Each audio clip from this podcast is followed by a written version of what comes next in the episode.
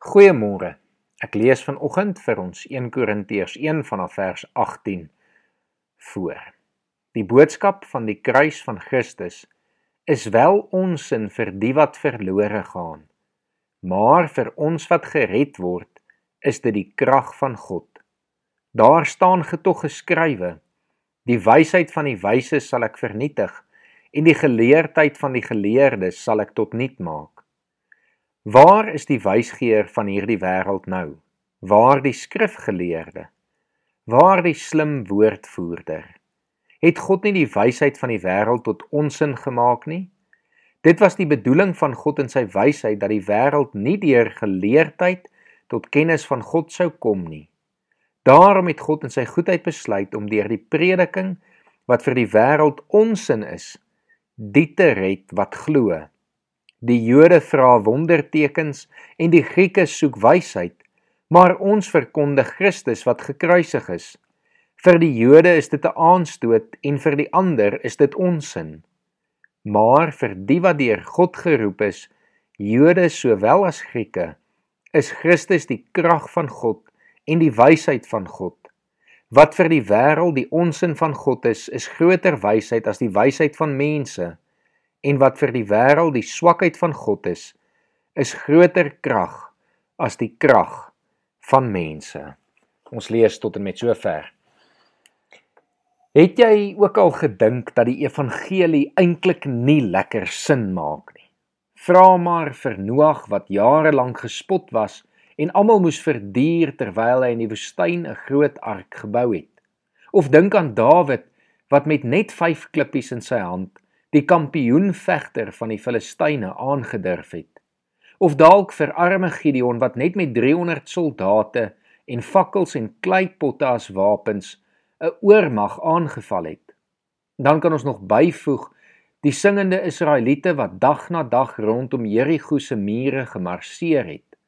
'n 80-jarige Moses wat ongewapen by die farao opdaag met 'n bevel dat hy die Israeliete moet laat trek.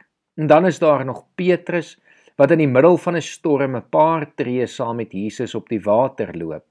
En Paulus wat lofliedere tot eer van God sing, dit nadat sy liggaam vroeër die dag in Filippi uitmekaar geslaan is deur die opponente van die Here en hom boonop dan nog in die tronk gegooi het.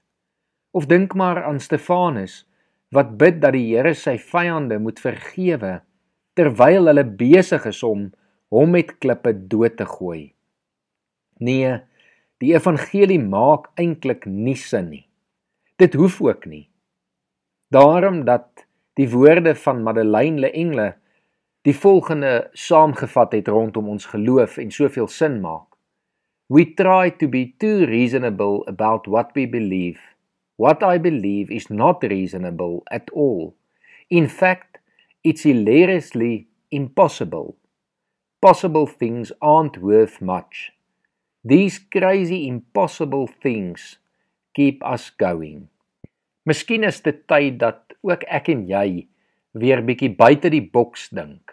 Opwindend, uitdagend, met waagmoed tot eer van die Here gaan leef met die wete dat die Here eintlik onmoontlike dinge kan doen en wil doen en ons ook deel wil maak van sy grootste werke. Mag ons hierdie week met die afwagting van Kersfees weer opnuut besef wat die, die Here alles vir ons doen. Kom ons bid saam. Here, dankie dat ons vanoggend weer kan besef dat die evangelie nie altyd sin maak nie, maar dat dit ook nie hoef sin te maak nie. Here, want ons weet wie U is.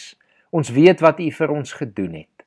En Here, daarom kan ons met waagmoed en met vrymoedigheid ook U voorbeeld navolg, Here en uiteindelik tot eer en verheerliking van U hierdie lewe aanpak. Ons bid dit in Jesus se naam. Amen.